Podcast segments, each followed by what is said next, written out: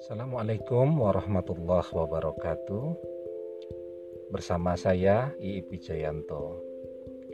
Saya ingin berbagi setiap hari tentang persoalan cinta Karena saya prihatin begitu banyak orang yang gagal move on.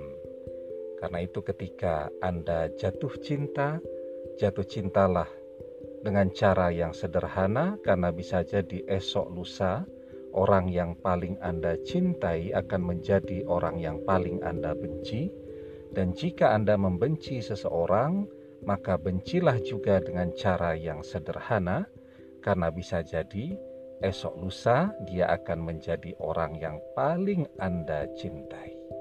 Demikian, terima kasih.